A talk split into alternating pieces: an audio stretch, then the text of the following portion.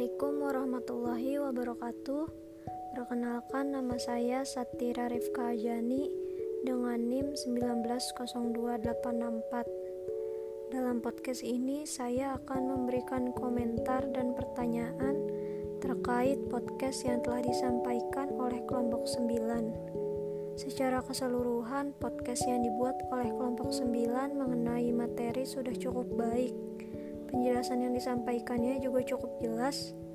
Dalam podcast, inti dari pembicaraan pemateri adalah mengenai metode pendidikan yang merupakan cikal bakal dari kompetensi abad ke-21 yang berkualitas untuk muncul pada dekade berikutnya. Disposisi dan keterampilan awal termasuk antusiasme belajar, pemahaman yang mendalam penerapan pembelajaran, penyelidikan, pemikiran kritis, komunikasi, teknologi, dunia komputer, dan beragam pembelajaran di berbagai bidang.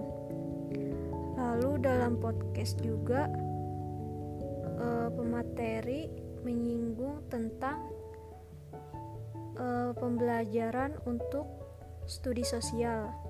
Yang pertama yaitu critical thinking skill, yaitu kemampuan untuk bisa menemukan gagasan dan mentransformasikannya menjadi sebuah gebrakan nyata. Lalu collaboration and communication. Masa depan adalah tempat bagi mereka yang mau berkolaborasi dan berkomunikasi. Lalu ada new literasi perspektif. Perlu adanya reformasi paradigma gerakan literasi demi tercapainya generasi madani. Uh, dari apa yang disampaikan oleh pemateri itu sesuai dengan kurikulum 2013 yang ada di Indonesia yang membawa konsekuensi guru yang harus semakin berkualitas dalam melaksanakan kegiatan pembelajaran. Mengapa demikian?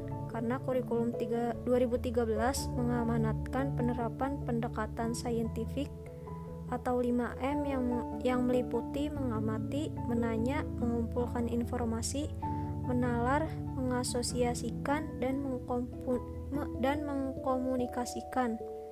Lalu optimalisasi peran guru dalam melaksanakan pembelajaran abad ke-21 dan higher order thinking skills. Selanjutnya ada integrasi literasi dan penguatan pendidikan karakter atau PPK dalam proses pembelajaran dalam proses belajar mengajar atau PBM. Pembelajaran pun perlu dilaksanakan secara kontekstual dengan menggunakan model, strategi, metode, dan teknik sesuai dengan karakteristik kompetensi dasar agar tujuan pembelajaran tercapai. E, pembelajaran abad 21 secara sederhana diartikan sebagai pembelajaran yang memberikan kecakapan abad ke-21 kepada peserta didik yaitu meliputi 4C. Yang pertama komunikasi, yang kedua kolaborasi, yang ketiga critical thinking dan penyelesaian masalah dan yang keempat kreatif dan inovatif. Sekian komentar saya. Lalu ada pertanyaan untuk kelompok 9.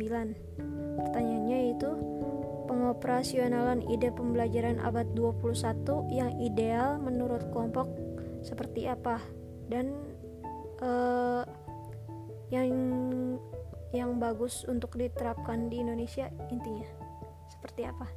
Sekian. Wassalamualaikum warahmatullahi wabarakatuh